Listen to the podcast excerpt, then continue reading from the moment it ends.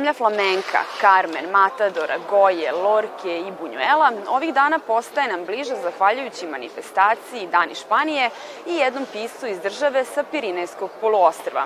Dobrodošli u prvu ovo nedeljnu arteriju, čiji naslovi upućuju na najvažnije događaje iz kulture 13. marta. Govorit ćemo o gostu sajma knjiga Lorenzu Silvi, izložbi Marije Paunović u malom likovnom salonu, uručenju Oscara u Los Angelesu.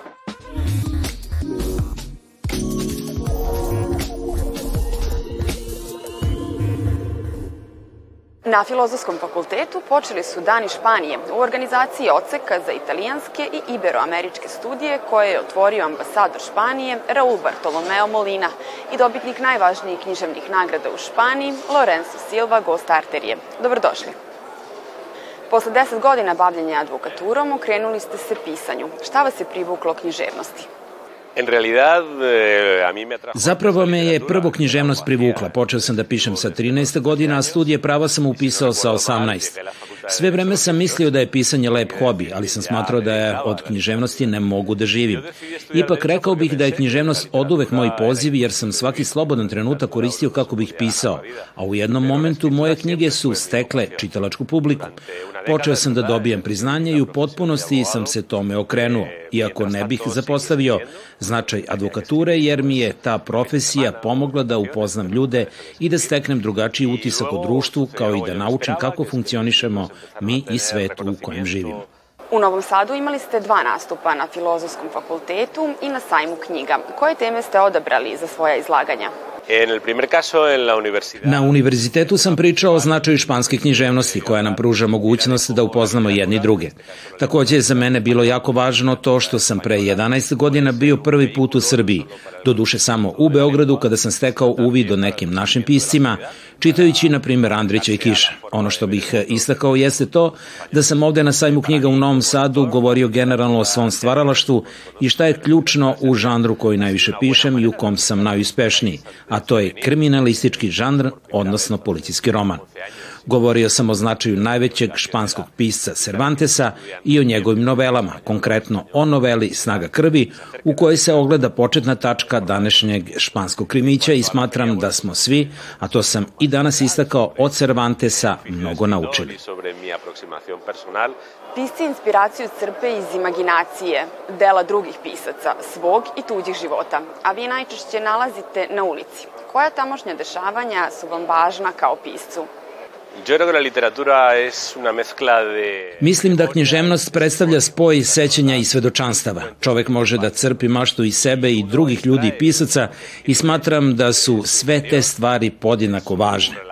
Ja lično volim da koristim sobstvena iskustva do određene granice, jer za priču koju želimo da prenesemo vrlo je bitan i uvid u živote drugih ljudi i zbog toga je po mom mišljenju za pisce važno da slušaju i gledaju oko sebe. Ako otvorite oči, nikada vam neće manjkati inspiracije i materijala. Šta više, vrlo često ćete imati i viška. Svojevremeno ste sproveli interaktivni eksperiment pisanja romana putem web stranice u kojem ste za svako poglavlje predložili tri završetka koji su stavljeni na javno glasanje. Šta je bio rezultat? To za šta me pitate desilo se zapravo vrlo davno, pre 23 godine i to jeste bio jedan od najzanimljivijih eksperimenata u mom književnom životu. Vrlo težak i dragocen, jer pisao sam jedan lični roman i obično pisac donosi sve odluke, a ja sam odlučio tada da ih čitaoci donose što uopšte nije bilo lako. Ponudio sam ih tri moguća kraja romana i dao im dan i po da se za jedan odluče. To je bilo zahtevno i ne bih više to ponavljao, ali je zanimljivo da od tri opcije koje sam im nudio, nisu se odlučili za onu koju bih ja izabrao. Okončali su moju knjigu na način na koji ja ne bih. To je zanimljivo jer u nekom momentu shvatite da čitoci ne razmišljaju vrlo često kao pisci, pogotovo kad je reč o ljubavnoj priči, jer svi samo žele srećan kraj.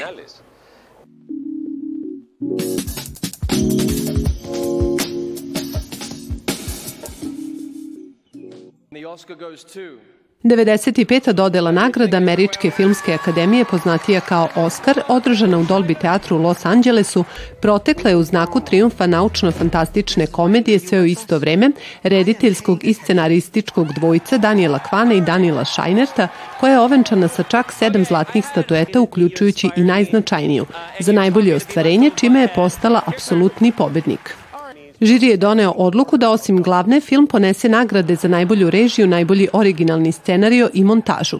Glumica Michelle Yeo prva je azijetkinja proglašena najboljom glumicom u ovom ostvarenju, dok je nagradom za najboljeg glumca ovenčan Brendan Fraser za briljantno interpretiranu ulogu u ostvarenju Kit. Nemački film na zapadu ništa novo reditelja Edvarda Bergera odneo je četiri Oscara, čime je ostvario izvestan uspeh nasuprot hvaljenim ostvarenjima kao što su Trougao tuge, Duhovi ostrva, Elvis i Tar koji nisu poneli ni jedno priznanje. Od četiri glavne glumačke nagrade sve u isto vreme maestralno je triumfovao sa trim s obzirom na to da je za najbolju mušku sporednu ulogu u pomenutom ostvarenju nagrađen Kei Hui Kwan kao i Jamie Lee Curtis za najbolju žensku sporednu ulogu koju je ovo prvi Oscar. Avatar Put vode, Top Gun Maverick i Pinokio bez iznenađenja ovenčani su nagradama za najbolje vizuelne efekte, najbolji zvuk i najbolje animirano ostvarenje.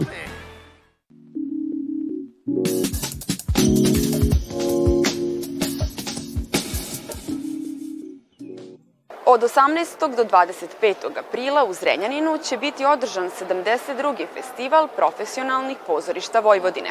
Selektorka Aleksandra Glovacki-Velikić istakla je zabrinjavajuću materijalnu nemaštinu pozorišta, a za takmičarski program opredelila se za sledeće predstave. Mefisto u dramatizaciji režiji Harisa Pašovića i izvođenju Srpskog narodnog pozorišta, što na podu spavaš Darka Cvjetića u režiji Kokana Mladenovića, Nevidljiva deca Ane Terek u režiji Roberta Lenarda Novosadskog pozorišta, Molijerov Don Juan u režiji Andreja Cvetanovskog, Narodnog pozorišta Sterija iz Vršca, Čehovljev Galeb u režiji Milana Neškovića, Narodnog pozorišta Sombor i Ludi kamen Radoslava Milenkovića, pozorišta domaćina Toša Jovanović iz Zrenjanina, kao i četiri predstave za decu. A na sceni Narodnog pozorišta iz Sombora početkom vikenda održana je premijera Pekićevog besnila u režiji Borisa Liješevića. Odluka da se postavi besnilo Borislava Pekića na scenu svesni su bili od početka i Narodno pozorište Sombor kao i Boris Lješević, reditelj sa svojim timom saradnika, nije ni mogla niti smela biti puko podsjećanje na preživljene strahove i gubitke usled pandemije covid -a.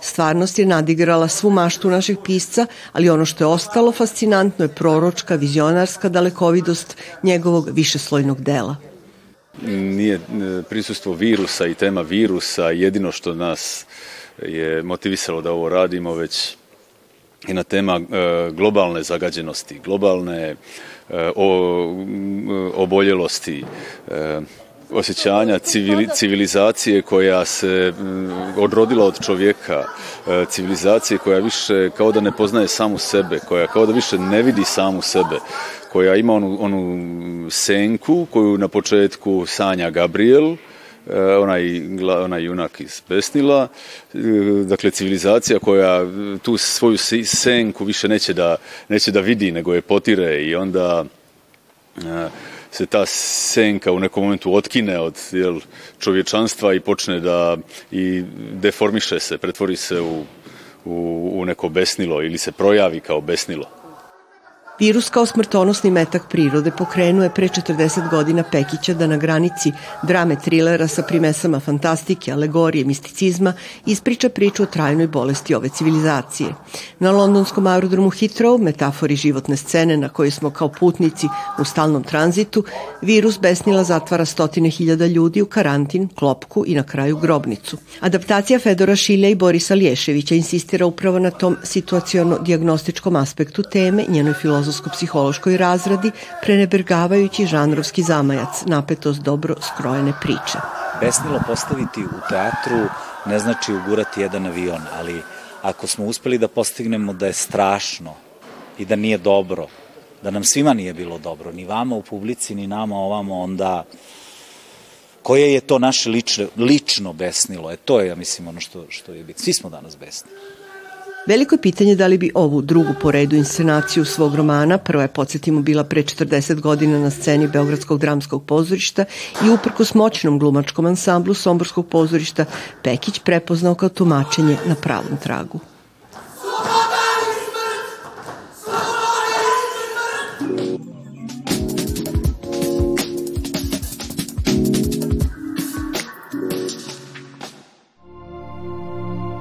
Povodom manifestacije Antićevi dani u malom likovnom salonu treći put organizovana je izložba u dijalogu sa Mikom, a ovaj put svoje radove predstavila je mlada umetnica Marija Paunović.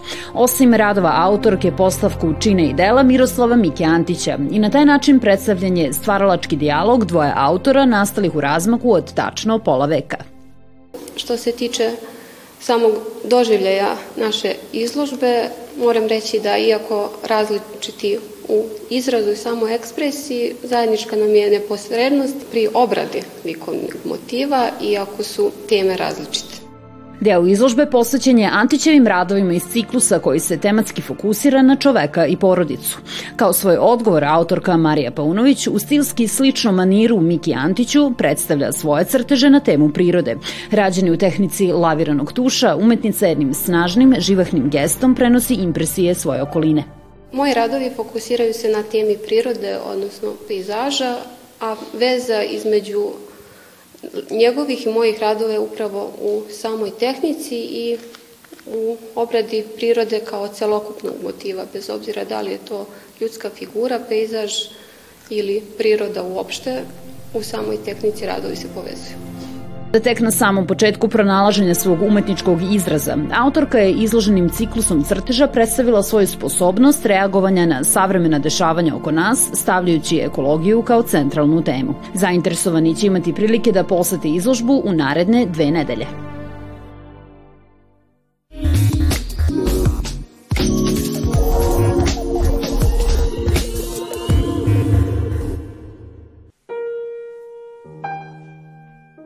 Sa sedam i po godina odlučio da postane pisac i tu odluku nije promenio. Šta više, kao redko ko, svojim delom stekao je poštovanje i ugled teoretičara, istovremeno i naklonost najšire publike.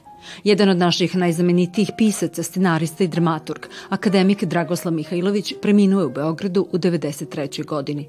Pripovedačkom knjigom Frede Laku noć iznenada je kročio na književnu scenu bez literarnih svatova i kumova, kako je prokomentarisao njegov prijatelj Borislav Mihajlović Mihiz. Najpoznatija dela su mu kad su cvetale tikve, koje su za pet godina imale 12 izdanja. Petrin venac, prema kojem su Rajko Grlić i Srđan Karanović snimili istoimeni film, a u Oteljeu 212 je urađena predstava o tri Petrije, ovenčana sa četiri sterine nagrade. Zatim roman Čizmaši, po kojima je snimljena serija – Iz ličnog pakla Golog otoka, gde je proveo 15 meseci, Mihajlović je izašao sa književnim rezultatom. Od 1990. počeo da objavljuje dokumentarnu publicističku knjigu u više tomova Goli otok. Nisu ga naravno mimo išle neke od najvažnijih priznanja, među kojima su Oktobarska nagrada Beograda, Andrićeva nagrada, Zlatna arena za scenariju u Puli, nagrada Bora Stanković, Ninova, Narodne biblioteke Srbije, Vukove zadužbine, Kočićeva, Ramondija Serbika i poslednja Radoje Domanović za ukupan doprinos srpskoj književnoj satiri koju dodeljuje Udruženje književnika Srbije. Mihajlović će ostati upamćen po specifičnom tipu junaka koja je uveo u srpsku književnost, uzore plemenitosti, časti i odvažnosti, po tome što je rodno Ćupriju načinio povlašenim prostorom svoje proze i po smelosti da pokaže da je dijalekatski govor ravnopravan sa književnim jezikom, odnosno da su oba jednako pogodna za umetničko izražavanje. Biografiju Reč od mramora Dragoslav Mihajlović život i delo dobio iz pera Roberta Hodela.